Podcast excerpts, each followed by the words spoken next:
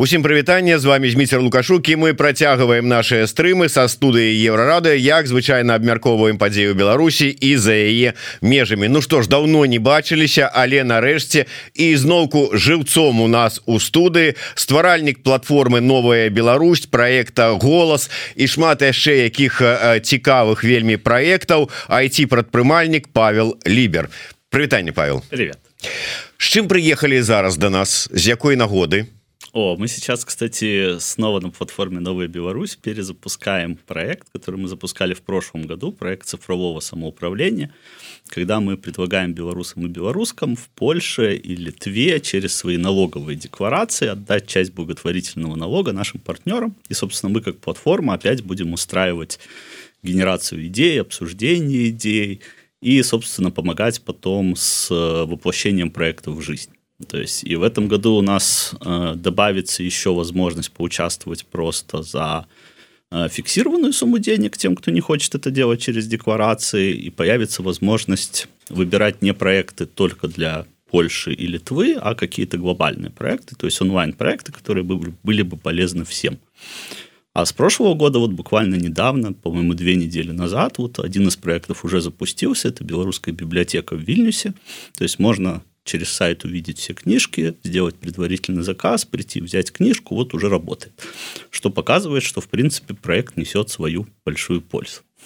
Павел давай трошку ўсё ж таки патлумачым нашим гледачам больш падрабязна пра што размова значит беларусы Ну не толькі беларусы карацей кажучы падаткавае заканадаўства у краінах про якія мы зараз скажем найперш это Польша і Літва пабудавана таким чынам что калі ты запаўняешь напрыканцы дакладней на пачатку года дэкларацыі падаткавыя за мінулы год у цябе ёсць магчымасць полторы проценты Ну калі мы кажем про Польшу пералічыць на нейкія грамадскія арганізацыі і ты альбо выбираешь сам на якую арганізацыю пералічыць альбо калі табе гэта лянотна там ці яшчэ что у цябе ўсё одно гэтыя полторы процента забіраюць але рандомна тады аддаецца нейкім там чынам на арганізацыю ну просто на якую-нибудь іншую і все але ўсё ж таки Прычым тут новая Беларусь? Якім чынам яна плануе генерировать гэтыя зборы а, там ці гэтыя грошы гэтыя частку падаткаў прычым з беларусаў у абодвух краінаў? Да я расскажу про механизм по сути новая Беларусь здесь является оркестратором всего этого процесса потому что сами эти деньги не идут новой Беларуси через налоговые декларации не идут нашим партнерам а Новая Беларусь в данном случае, ну, во-первых, делает всю медиакомпанию, во-вторых, дает весь инструментарий, чтобы люди решили, как эти деньги потратить. Потому что в отличие от просто перечислить деньги на благотворительную организацию, здесь как раз-таки нет того, что кто-то забирает эти деньги себе. То есть идея в том, что люди по сути, формируют условный бюджет через свои налоговые декларации. И тут же, что интересно, что это же деньги виртуальные. То есть мы даже не просим доставать из кошелька какие-то реальные деньги. Вы очень правильно сказали, что государство в любом случае эти деньги забирает. Просто либо человек указывает конкретно, куда он их передает, либо государство само решает, куда их передает. И формируется условный бюджет. В прошлом году он составил около 47 тысяч евро в сумме с двух стран. И это оказалось гораздо больше, чем мы планировали. А, сколько он будет в этом году, я не знаю. Я очень надеюсь, что еще больше, потому что, соответственно, чем больше денег, тем более масштабные проекты можно сделать. И э, идея в том, что когда люди формируют такой бюджет, мы после этого даем инструментарий, когда люди могут предлагать идеи, обсуждать идеи, голосовать за них. Проходит там несколько стадий, проходит отфильтровывание идей, которые не соответствуют там целевым тратам. И в конце остаются идеи победителей, и, соответственно, их авторы вместе с нами или без нас, собственно, могут за эти деньги воплощать эти идеи в жизнь. Очень важно, что государство здесь выступает условно модератором. То есть эти деньги нельзя потратить нецелевым образом. Они обязательно должны быть потрачены, они обязательно должны быть потрачены на какие-то общественно полезные проекты. И государство, которое эти деньги потом партнерам передает с этих налоговых деклараций, оно, безусловно, потом проверяет, как они потрачены. Потому что я помню в прошлом году, когда мы инициировали этот проект, было там у нас же вообще тема денег, она очень часто запретная. Как бы, и когда кто-то говорит, а давайте вы будете сдавать деньги, пусть даже это не настоящие через декларации, все такие, «А, Либер хочет купить себе виллу в Квайпеде. Ну, во-первых, посмотрите а, на прогноз. Во-первых, посмотрите на прогноз погоды в Квайпеде. А Потом посмотрите на Либера и подумайте, вот при этом на дворе и он там будет себе куплять. Да, да, да. А во-вторых, как бы эти деньги нельзя потратить нецелевым образом. Единственный минус всей этой компании это то, что ты не знаешь, сколько тебе денег придет до момента, когда тебе их перечислят. И в прошлом году, получается, мы уже сформировали две идеи победителя. Мы примерно посчитали по количеству людей, которые подают декларации, сколько будет бюджет, а потом в итоге нам пришло в два раза больше денег, чем мы ожидали, потому что многие люди написали, что они передают деньги нашим партнерам, но никак не отметили на платформе «Новая Беларусь», что они это сделали. Ну, потому что они не хотели участвовать во всех последующих этапах. И получается, ты получаешь сумму денег, и, соответственно, вот у нас если с библиотекой все было понятно, как бы там все, в принципе, под бюджет попадало, то на польский проект в итоге денег пришло в два раза больше, и, соответственно, польский проект у нас был англоязычный портал по истории Беларуси, мы сейчас думаем, окей, имея больше бюджет, мы можем больше сделать, и, соответственно, этот проект все еще в процессе, чтобы, соответственно, правильно потратить весь этот бюджет максимально эффективно. Павел давай я удакладню я быў перакананы запаўняючы ну правда один раз вот пакуль что такой вот піт як у нас это тут называется эту дэкларацыю я быў перакананы что ёсць спіс умоўна кажучы арганізацый на якія ты можешь пералічыць гэтыя грошы Ну і ўсё А тут атрымліваецца что их можна пералічыць под фінансаванне нейкага проекта які яшчэ толькі вот прыдумляется Совершенно верно. А, потому что в этом же и суть, это же называется проект цифрового самоуправления. Ключевое здесь самоуправление. Наша задача через эти проекты показать людям, что, в принципе, они сами по себе могут решать свои проблемы через даже такие вот налоговые какие-то декларации. Да? В этом году добавятся еще внески, то есть люди смогут приходить и там за деньги участвовать. Но в целом основная масса все-таки идет через декларации, потому что это очень понятно, ты никаких денег не платишь, по сути, просто в нужный момент ставишь нужного партнера в строчке. И это целевое использование, потому что эти деньги переходят партнеру. Единственное условие, что потом мы, безусловно, смотрим, чтобы финальные идеи соответствовали понятию каких-то гражданских инициатив или благотворительных инициатив. То есть на эти деньги нельзя купить мотоцикл или сходить в кафе, да, потому что иначе там государство тебя за это накажет. Поэтому очень прозрачная получается система, очень понятная система. И в этой системе, как я уже сказал, самое важное это то, что э, люди, по сути, формируют бюджет, на который они же и делают проект. То есть эти деньги не идут кому-то там на зарплаты, на еще что-то. Але давай э, покрокова патлумачым як это лепей рабіць. Есть вот я ж кажу что вот калі э, брать звыклую гэтую сістэму я открываю э, у сябе там э, сторонку в этой адпаведнай э, службе дзе я запаўняю гэту падаткавую дэкларацыю там у адпаведным пункце там прописываюць і выбираю арганізацыю Ну яно все само далей пайшло. Вот у такой ситуации то есть увогуле як ты раеш дзейнічаць покрокова вот что Хорошо. трэба зрабіць ці это заходзіць на гэтую ж сторонку запаўнення дэкларацыі ці гэта праз а, новую Беларусь сайт як это лепей рабіць рассказываю а, ну декларация все равно подается как обычно через те инструменты к которым каждый привык кто-то делает это через официальные сайты кто-то через посредников кто-то через бухгалтера это не принципиально а прямо сегодня мы сегодня стартуем эту кампанию у нас выходит э, сайт я думаю что его можно э, будет прикрепить к описанию этого видео newbelarus-texas.com, где, во-первых, мы рассказываем про этот проект, а во-вторых, э, там есть инструкции, кого из наших партнеров нужно указать. И э, кусочек декларации, где человек указывает имя, это партнер, и, и имя нашего партнера, и который не содержит персональных данных, очень важно. Мы просим сделать просто скриншот этого кусочка и отправить к нам на платформу. Там прямо есть прием этих картинок через сайт. А, соответственно, человек присылает вот этот кусочек налоговой декларации, мы видим, что он заполнил там, что он переводит деньги партнеру, мы ничего не знаем про этого человека, это очень важно, потому что а, все пользователи и участники этого проекта остаются полностью анонимными. Это вот самое важное, наверное, во всем этом. Да?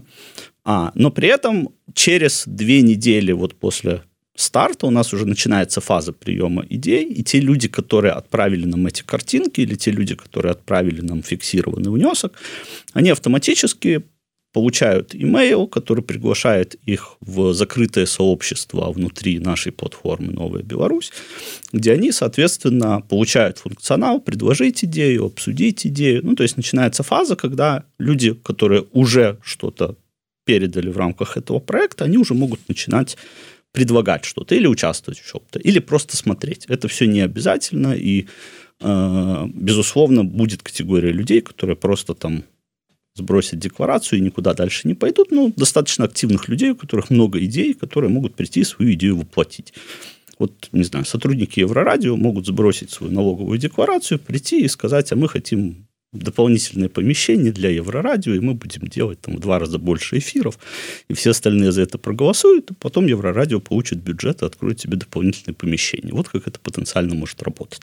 Ага, ну прыгожа распісаў. Дарэчы ўсё насамрэч вельмі просто Вось я у сябе на телефоне открываю а, ап, апку аплікацыю новой Беларусі і бачыце Вось тут ёсць адразу стаіць такая а, баннер а, стартавы стартаваў новый сезон проекту по лічбам самакіраванні будуй сваё далучайся. Далучаемся яно открывается і вось бачыце тут далей Ну ўсё я так разумею покрокова і просто так Конечно. як Павел і а, гаварыў Вось а, глядач под нікам Андрей а, сумняецца піша Ага ананімным так сапраўды ананімнасць захоўваецца?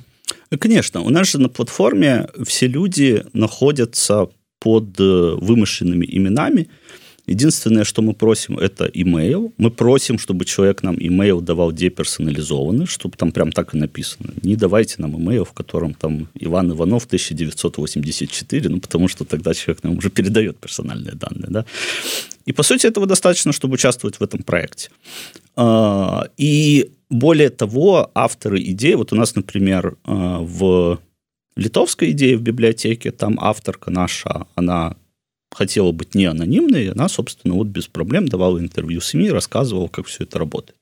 Автор польской идеи, он захотел остаться анонимным, соответственно, про этого автора никто никогда не услышит. Мы гарантируем безусловную анонимность а, тем, кто участвует в этом проекте, включая авторов победивших идей даже на этапе имплементации этих идей. глядаеш под нікам Макссім піша Вітаю калі слухаю спадара лібера у зметра то заўсёды кажу Божа храні Паўла Ну відаць альбо лібера не ў зметра Макссім не слухае альбо калі слухае то там Божа храні Паўла не кажа Ну але дзякую вялікі жартуем. Павел я не ведаю не хочу там казаць что там вот нейкія там не такія неправільныя там ці занадта правільныя каментатары. Ты мне имеешь пытанні вельмі такія ну скажем так розныя но ну, а я ведаю что ты чалавек адкрыты і да любых пытанняў тому я просто зачитаю тому что сапраўды можа і мае сэнс адказаць лаурайдер голос учитывает только тех кто придерживается демократических взглядов как можно считать те же выборы ведь результат однобокий это противоречит социологии я батики лукашистов тоже полстраны вот такое вот меркаванне mm. атрымліваецца что ну вас абвінавачваюць у аднабокавым прадстаўленні нейкіх і лічб і інтарэсаў чаго астатняго Смотрите, это очень интересный вопрос, потому что, ну, давайте мы его разведем на две части. Первое – это на голос, что отдельная история. Второе – это там на Новую Беларусь, например, там проект, который мы обсуждаем, что отдельная история. Да? А, первое. То есть а, голос как инструмент выполнял очень простую роль. Он собирал фотографии бюллетеней с двух сторон, потому что на второй стороне были э, подписи представителей избирательной комиссии, соответственно, дедуплицировал это все по этим подписям, относил к правильным участкам и сравнивал потом с протоколом. Если у нас получалось, что на участок прислали 800 фотографий с подписями представителей избирательной комиссии, в которых стояла галочка за Тихановскую, а в официальном протоколе с этого участка написано, что за Тихановскую 100, а за Лукашенко 1000, то голос как инструмент пояснял, что на данном участке произошла фальсификация. Это очень важно, потому что голос не является инструментом для выборов. Голос является инструментом доказательства того, что в 2020 году выборов не было через очень простое сравнение фотографий, которые нам прислали, с результатами официальных протоколов. Дальше уже не важно, как бы это за Тихановскую, за Лукашенко или еще что-то, как бы голос как инструмент доказал, что выборы были сфальсифицированы. ОБСЕ использовал отчет голоса, многие страны использовали результаты голоса, чтобы не признавать Лукашенко. Поэтому эта история вообще не про выборы и не про демократический пузырь. Это очень понятный утилитарный тул. После этого нашлись э, математики, которые через уже построение математических моделей посчитали, что, скорее всего, действительно Тихановская победила в первом туре, а, у, а Лукашенко набрал, там, кстати, максимум ему давали 38%, что, в принципе, немало, не скажем честно. Да? И это абсолютно лежит в публичном доступе. Все эти исследования можно посмотреть, с ними можно согласиться или не согласиться. Но очень важно, что голос как инструмент – это абсолютно утилитарный инструмент для нахождения фальсификаций. И мы, как команда «Голоса», как бы выполнили свою функцию и очень этому довольны, потому что мы показали всем людям, что выборы были сфальсифицированы. До сих пор, кстати, можно зайти на сайт, найти все участки, фотографии всех бюллетеней, все лежит в публичном доступе. Вообще никаких проблем. А дальше, когда мы говорим про новую Беларусь как платформу и проект, который мы запускаем, то э, как я уже сказал, все участники анонимные. Мы вообще не знаем человек за Тихановскую, за Лукашенко, за Зенона Поздняка. У нас кроме его имейла ничего нет. И кроме кусочка декларации, которая деперсонализована, тоже ничего нет. И поэтому наш очень простой ответ людям, которые там задают нам вопросы по хранению персональных данных, вы нам не даете персональных данных, нам нечего хранить. Как бы поэтому в проекте могут участвовать абсолютно все люди любых взглядов, даже если вы там ненавидите там современные демократические силы, являетесь адептом Зенона Поздняка и хотите открыть арт-пространство имени Зенона Поздняка, так прекрасно. Приходите, сабмитайте свою налоговую декларацию, предлагайте эту идею, зовите единомышленников, они за нее проголосуют, вы получите бюджет, откроете арт-пространство имени Зенона Поздняка. Именно так работает демократия, именно так работает самоуправление. Без политических лидеров, без каких-то грантов, фондов, санкций и всего остального. Наша задача в рамках этого проекта научить людей, что не надо ждать чуда, что вы сами это чудо, что вы сами та самая сила, которая может что-то создавать. А, так тут таких вот пытанняў ну цікавых чатыры штуки три засталося. Але я хочу по ходу вот аккурат таки вернуться до да нашай темы і яшчэ раз про вот гэтые про праніццё рашэння про наконт адлічэння вот глядзі я открываю зараз вот пачынаюцца акурат такі перыяд запаўнення гэтых дэкларацый нездарма менавіта сёння стартаваў гэты проект на сайте новая Беларусь і вот а тыя проекты на якія у ну как бы перспектыўныя под якія можна збіраць грошы яны ўжо вядомыя ці не? Вот да прыкладу я просто да чаго кажу что тому что кажется можа быть там нешта там потым можна будзе зрабіць. Я зараз открываю і ведаю что ну мае грошы умоўна кажучы гэтыя полторы проценты яны патрэбныя там скажем беларускаму моладзевому хабу яны патрэбныя там я не ведаю музычнай дзіцячай школе імя равенска казіміроўскай яны патрэбныя іншым арганізацыям якія працуюць. І ёсць вот я слухаю Павла лібера і думаю можа і сапраўды вот там вот на якую-нибудь цікавую ідэю варта было б скінуцца.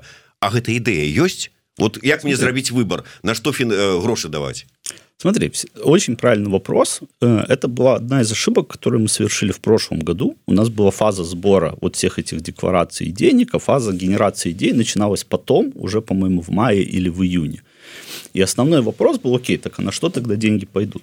Да? То есть в этом году мы поменяли немножко таймлайн, мы решили, что это было неправильно. Соответственно, у нас сейчас фаза сбора идей начнется уже в феврале, вот через две недели, вот от сегодняшнего дня, насколько я помню. Да? То есть и уже люди, поскольку их уже набирается какое-то первое критическое количество, когда они уже могут переходить и начинать что-то предлагать, они уже начинают предлагать эти идеи. Фаза сбора декларации, она же длительная, то есть люди подают декларации, я не помню, до мая, по-моему. Как бы, соответственно, у нас будет очень большое пересечение, что уже там с конца февраля до конца этой фазы подачи декларации можно будет увидеть, какие идеи есть. Если что-то нравится, то, собственно, поддерживать. Если не нравится предлагать свою. Тут же очень важно, что идея в том, чтобы а, люди в том числе предлагали свои какие-то идеи.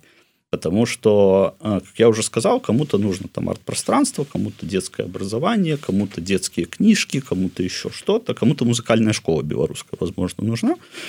И, возможно, есть достаточно большое количество людей, которые тоже захотят эту инициативу поддержать.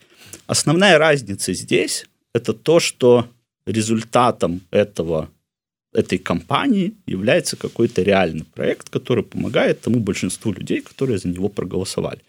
То есть а, очень важно поддерживать белорусские организации, и я прекрасно понимаю, что мы с этим проектом конкурируем с любыми другими белорусскими там, компаниями, которые тоже предлагают как бы задонатить им и помочь. Если вы чувствуете, что вам очень важно задонатить там, белорусскому молодевому хабу, конечно, это сделайте. Вы поддерживаете белорусский молодевый хаб. Если вы хотите поддержать а, какой-то проект, который вам персонально тоже может приносить какую-то пользу, как бы вы можете совершенно спокойно участвовать в компании Новой Беларуси. Они немножко разные по сути. Там вы поддерживаете организацию, ее жизнеспособность и жизнедеятельность. Здесь вы поддерживаете какой-то проект. В данном случае речь не идет про то, что какая-то организация заберет эти деньги себе.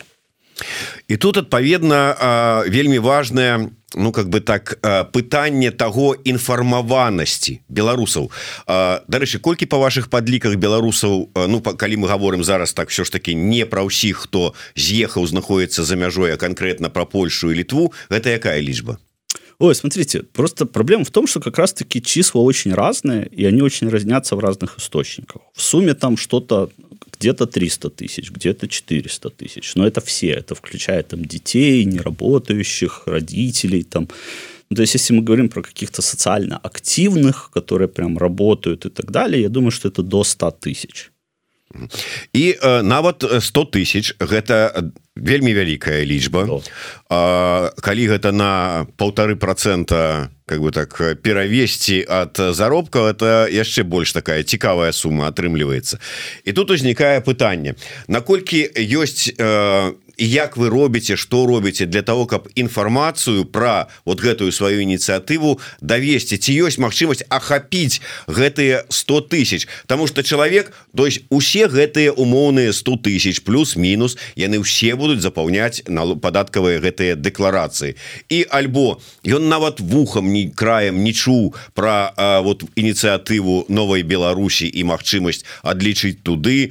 Ці можа там некалі чуў там месяц тому вот праз месяц он только сеў запаўняць дэкларацыю ён ужо забыўся он тут перад ім вот этой спіс ему трэба хуценька запоўніць тыркнуть там куды-небудзь как давесці людям что поставіцца до да гэтага трэба сур'ёзна адказна спокойно с выбором і каб у яго перад вачыма быў вот тут вот спіс арганізацый на якія ён можа пералічыць грошы умоўно кажучы там у тыя ж самыя там хабы там танцевальныя музычныя калектывы да все что завгодна з другого боку вот проект прапанова новой Беларусі то есть вот как это как бы вот перад тваром это супер правильный вопрос супер тяжелый вопрос для нас потому что я в данном случае всегда я такой скептик. Во-первых я не верю что можно там охватить 100 тысяч потому что все очень разные там в разных э, баблах своих находятся разные источники информации читают. Во-вторых я Э, не верю, ну то есть э, во всех проектах, которые мы запускаем, мы всегда видим, что там социально активных людей всегда не очень много, их там до 10%, да, поэтому я верю, что мы можем там пробовать охватить до 10 тысяч, и из них только какой-то процент еще там сконвертируется в людей, которые могут нам помочь, да. А, и мы, безусловно, будем заходить через медиа, через социальные сети, через телеграм-каналы, через инфлюенсеров. И, ну, то есть мы постараемся использовать все каналы, которые сможем вот в ближайшие несколько недель, когда мы будем рассказывать про этот проект, потому что важно рассказать про него на начальном этапе подачи деклараций. Но я не верю, что мы можем охватить всех. В прошлом году мы были уверены, что к нам пришло около, по-моему, 260 человек. Это был пилотный проект. А, мы получили вот 260 там этих деклараций, и думали, что это и все. Мы посчитали примерные суммы, мы там вывели из этого там расчеты под проекты, а потом, когда в итоге эти деньги перевели нашим партнерам, денег оказалось гораздо больше, и мы поняли, что поучаствовало гораздо большее количество людей, просто не все это отразили. И проблема в том, что ты эту информацию вообще никак не можешь получить. Тебе государство просто переводит партнерам эти деньги, ни от кого они, ни сколько людей, там никакой такой информации нет. Поэтому тут люди тоже могут быть спокойны. Как-то налоговая инспекция защищает их персональные данные очень хорошо. Настолько хорошо, что мы вообще не понимаем, какое количество людей в этом всем участвует. Но в итоге мы были приятно удивлены, потому что сумма была больше. Да? А, соответственно, в этом году мы безусловно, хотим, чтобы было по меньшей мере несколько тысяч участников. Это даст уже достаточно существенный бюджет. А, в то, что можно сделать так, чтобы 100 тысяч поучаствовали, я не верю и никогда не поверю. Но мы, понятно, сделаем максимум, чтобы постараться достучаться до каждого.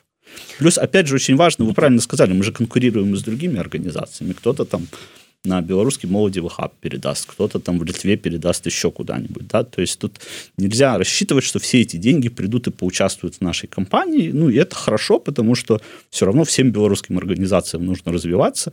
Я персонально вообще обожаю белорусский молодевый хаб, как бы как это сейчас принято говорить, оригинальный.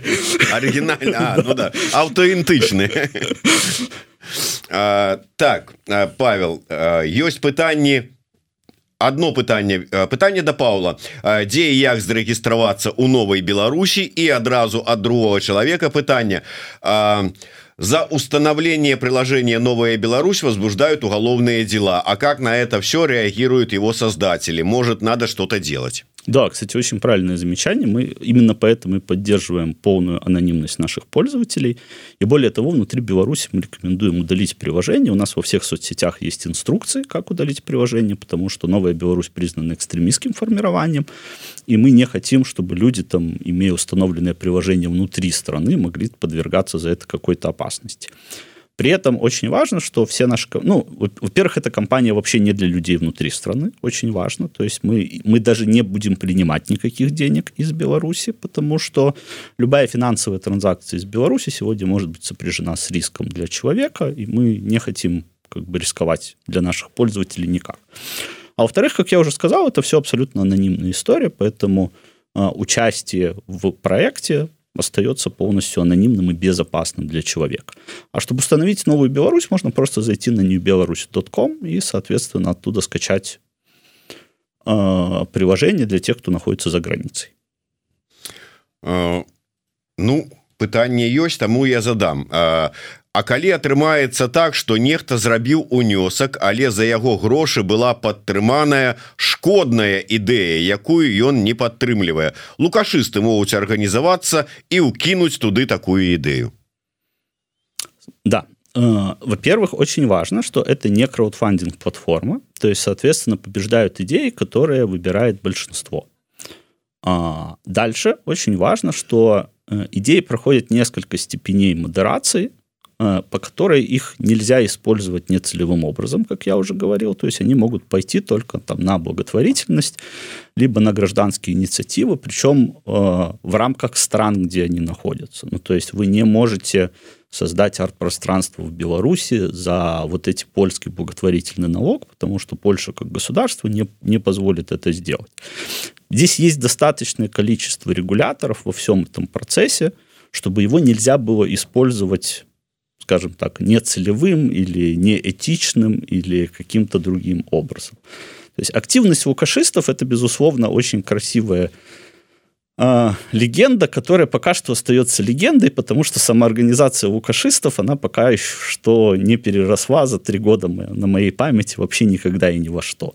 Поэтому верить в то, что у нас в Польше и Литве находится достаточно большое количество лукашистов, которые могут самоорганизоваться и что-то сделать, я бы, честно говоря, не стал. Но если, а если так и есть, я бы очень волновался на месте наших демократических сил за то, как они работают с умами людей. Один вось з наших гледачоў кратак свои характарыстыкі либер жулик Прекрасно. И хочет купить виллу в Клайпеде. Да, другие Алекс пишет почему все электоральные дистанционные инициативы демократического движения постоянно преследуют скандалы из-за утечек и сливов как э, с ЧКБ перамогой кадровым резервом и так далее Ну, во-первых, это же все не электоральные инициативы. Ну, то есть э, электоральная инициатива это, собственно... Электронные, я неправильно а, прочитал, да. Хорошо. А, слушайте, я думаю, что честный ответ, потому что э, в 2020 году, когда все эти инициативы создавались, э, никто еще до конца не оценивал ни риски, ни, не создавал никакие правила э, работы, собственно, с персональными данными и так далее. Нам в этом плане гораздо проще, как я уже сказал, поскольку мы персональные данные не собираем, то нам их очень сложно потерять или, или слить, или профукать, или еще что-то. Поэтому в данном случае, да, хватало каких-то некрасивых историй, но при этом, как я уже сказал, э, я думаю, что это была нехватка опыта в 2020 году там, у инициатив, которые с этими историями работали. И, ну, опять же, все, все мы люди, все совершаем ошибки, все это понимают. Как бы вот мы когда-то избрали эту стратегию, не трогать персональные данные, нам эта стратегия очень помогает, потому что а, ни в одном нашем продукте сливов не было, я думаю, в том числе потому, что нечего-то сливать.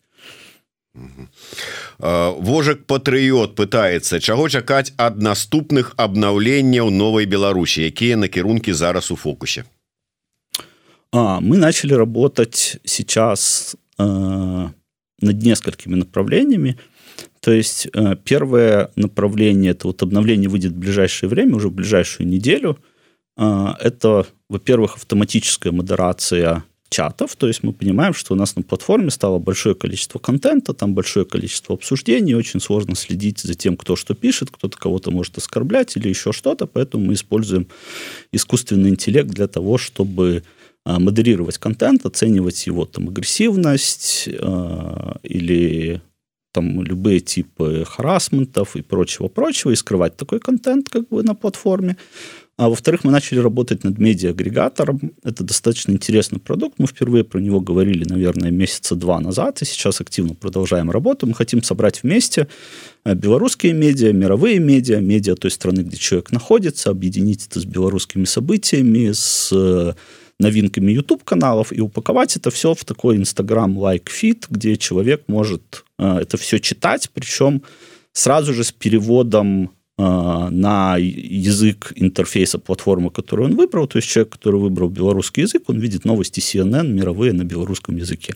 Как бы очень прикольно получается инструмент с персонализацией, тоже с очень активным использованием искусственного интеллекта.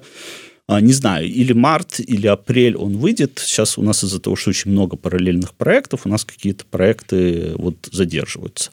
И еще проект, который мы сейчас вот только начали делать и хотим доделать, наверное, за первую половину года, это проект знакомств, э, как раз-таки для тех, кто за границей а такой, назовем это смесь между Тиндером, Locals и прочими подобными интерфейсами, но конкретно для белорусов и белорусок, как найти кого-то там для, не знаю, свидания, чашки кофе или какого-то метапа или еще чего-то. То есть, э, ну, потому что мы же на платформе объединяем вообще, в принципе, белорусские сервисы, белорусскую культуру, белорусские, белорусские какие-то взаимопомощи, прочее, прочее. И, соответственно, сейчас мы достраиваем какие-то медиа, социальные свои, и попутно делаем гражданские инициативы типа нашего налогового проекта. Пытанне ад гледача ўсё ж такі гэта проект толькі для дыаспор ну маецца на увазе вот Кон- податковые конкретно про вот этот будуй свое наш как мы его называем налоговый проект. Да только для диаспор. Ну там же есть праз унесок то есть праз э, не про декларацию. Да но мы не мы не будем принимать унески из Беларуси потому что все финансовые транзакции белорусских банков находятся сегодня под колпаком режима и мы не хотим чтобы человек там сделал унесок а завтра к нему постучался ОМОН.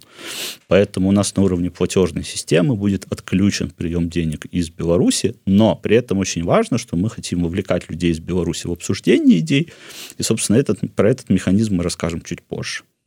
вот я э, аккурат таки хотел яшчэ раз вярнуцца до ідэй то есть яны прапановы ідэй на якія можна збіраць і потратить потым грошы яны яшчэ ну как бы не пачалі збірацца нет они начнутся через две недели собственно, начинать собираться эти идеи. И вот тогда начнет формироваться первый такой пул а, идей, на что может быть потрачены эти деньги.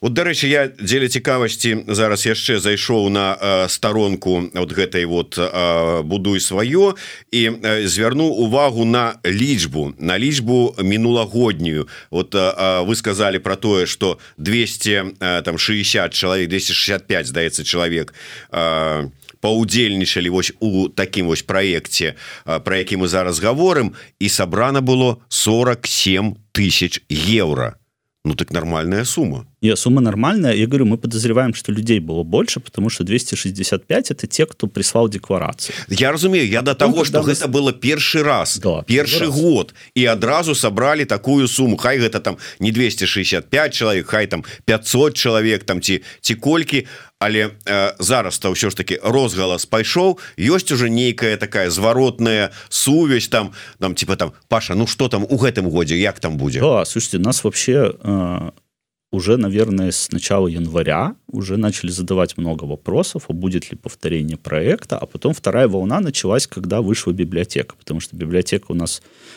24 по-моему января уже официально вышла там был предварительный выпуск за пару дней до этого А, но это был как раз пример того, что проект реализован. Да? Ну, то есть очень сложно сказать, а, куда делись деньги, потому что вот, смотрите, появился, появился абсолютно живое пространство, туда можно прийти, там в нем докупаются книжки, можно заявки на книжки вставлять. Ну, то есть как бы есть показательный пример того, что это работает. Вот один из победителей прошлого года уже реализован. Второй сейчас в процессе, как бы.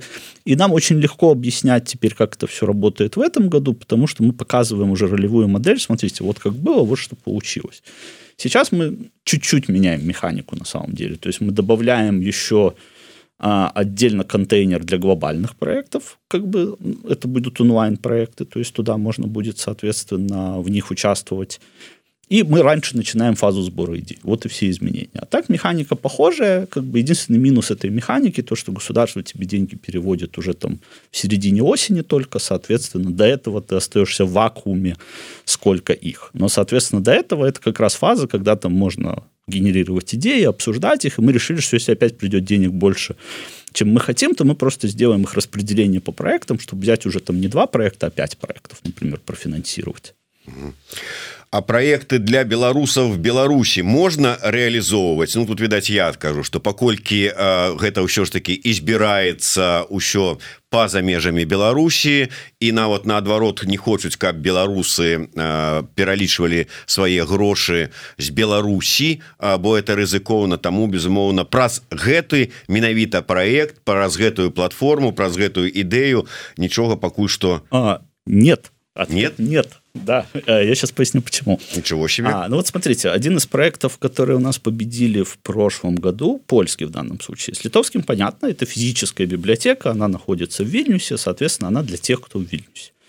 А польский проект, он более интересный, потому что это англоязычный портал по истории Беларуси. Э, для иностранных журналистов э, историков и прочих, кто хотят знать про историю Беларуси. Но когда мы получили больший бюджет, мы поняли, что этот проект тоже может быть видоизменен. И, во-первых, он может быть мультиязычный, включая, безусловно, там белорусский язык. А во-вторых, если уж мы это все делаем, и мы туда добавляем качественные иллюстрации, всякие рендеры замков. То... Я не хочу много рассказывать сейчас про этот проект, он еще выйдет, да? Он будет очень, это будет очень красивый онлайн-проект про историю Беларуси. И, безусловно, он будет полезен тем, кто внутри страны, потому что внутри страны у нас сегодня происходит абсолютная русификация, переписывание истории и все остальное. И, пожалуйста, как бы дети могут э, учить историю Беларуси по очень крутому онлайн-проекту. А в этом году может появиться проект там, не знаю, детского образования по белорусскому языку, белорусской литературе онлайн, да, то есть любой онлайн-проект автоматически э, будет полезен для людей внутри страны. Единственное, что очень важно понимать, то, что все равно проекты определяются большинством голосов, то есть в этом и есть суть как бы люди голосуют за то, какие проекты будут, поэтому какие-то проекты будут онлайн, какие-то проекты будут локальны. То есть в этом и есть, как я уже сказал, демократия. Ну и на завершение пытание от анонімна гледача Хусан питается я знаходишься у Беларусі у якім дадатку Павла можно зарэгиться таким як я каб не пачуваться забытым а для тех, кто находится в стране, а, мы бы не хотели, чтобы люди пользовались приложением. потому что это может подвергать их опасности. Да? И у нас все наши проекты, включая этот проект, вот в момент, когда стартанет фаза обсуждения идей, у нас можно будет перейти по специальному безопасному линку на веб, то есть в виде веб-сайта, посмотреть, поучаствовать, и для тех, кто находится внутри страны. Собственно, конкретно, когда начнет появиться эти сообщества для обсуждения людей и начнется обсуждение людей, появится и линк, как туда зайти безопасным образом. Мы сейчас очень много времени потратили, чтобы создать, у нас есть концепт, который называется Safe Web, это веб-сайты, которые доступны изнутри страны, заходы на которых не определяются интернет-провайдерами, опять же, для того, чтобы не подвергать людей опасности, поэтому мы под каждый проект сейчас будем создавать такой мини-сайт и делать его доступным для людей внутри страны, потому что мы очень хотим, чтобы люди участвовали из Беларуси, чтобы люди как бы какие-то идеи поддерживали, не поддерживали, нам очень важно иметь эту связь, потому что мы хотим, чтобы результатом этого проекта были в том числе проекты, полезные людям внутри страны. Безусловно, это будут онлайн-проекты, мы ничего не сделаем там в физическом пространстве.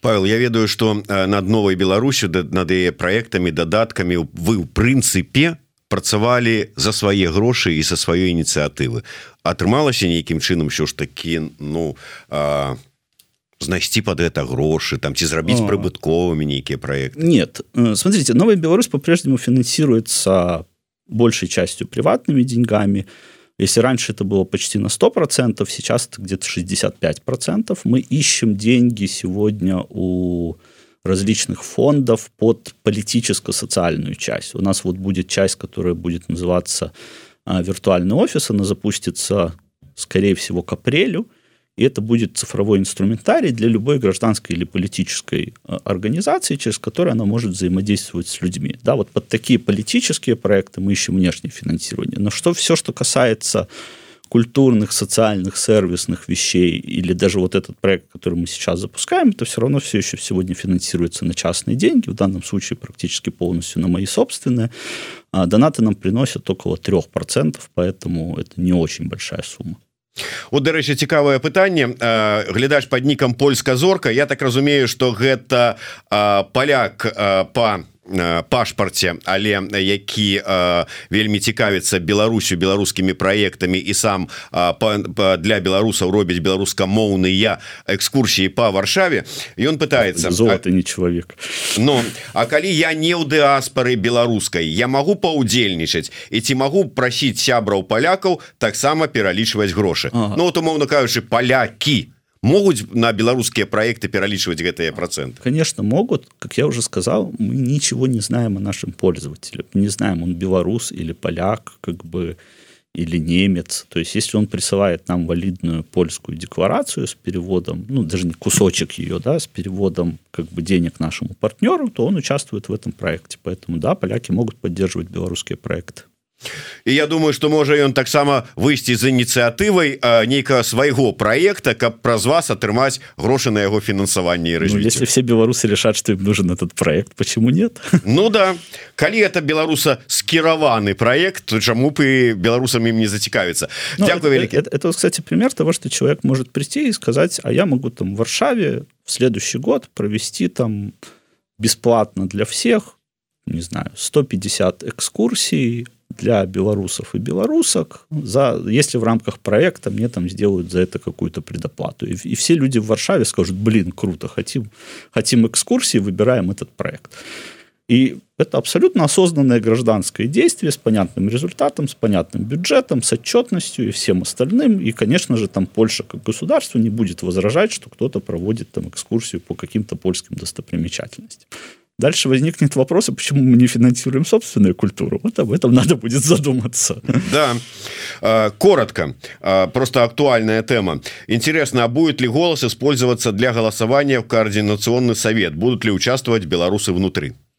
Мы не знаем. Честный ответ мы не знаем, потому что Координационный совет все еще финально не определился с конфигурацией своих выборов и с тем, как они хотят верифицировать пользователей. То есть мы готовы, используя какие-то наши платформы и наработки, помочь им технически, мы про это сейчас говорим. Но поскольку финальной конфигурации выборов и верификации пользователей все еще нет, то мы пока не понимаем, из каких, собственно, компонентов может быть собрано это решение. То, что голос может быть использован, да, конечно, может быть. Это очень полезный исторический массив данных, причем заранее заведомо анонимных, потому что идентификатором являлся бюллетень, а не человек. Такім чынам тым для каго это бяспечна я раю скачаць сабе на телефон ну ці на камп'ютар апку аплікацыю новой Беларусі дзе можна паглядзець пачытаць вось вельмі цікавую вось гэтую ініцыятыву наконт все ж таки падаткавай дэкларацыі і пералічэнне адпаведных грошай. Будуй сваё вот э, сама аппликация вельмі простая. Закачивайте читайте глядите у кого есть сумневы. Там э, вельмі шмат информации и вельмі аргументавана говорится про тое чаму варта до гэтага проекта долучиться калі все ж таки вы лічыце что найперш вам трэба профінансаваць сваімі грашыма якія і так у вас держава забярэ будь то літоўская ці польская але які-нибудь беларускі проект які ўжо існуе дзейнічае якому патрэбны грошы вы можете можете гэта зрабіць. Выбор за вами у гэтым як кажа Павел і ёсць праява дэмакратыі. У любым выпадку заходзьте подписывайтеся удзельнічайте не забывайте про YouTube еврорады а праз 15 хвілін у нас у эфиры посол по асобых даручэннях по Беларусі украінскі дыпламат Ігор кізім. Слухайте глядзіце задавайте свае пытанні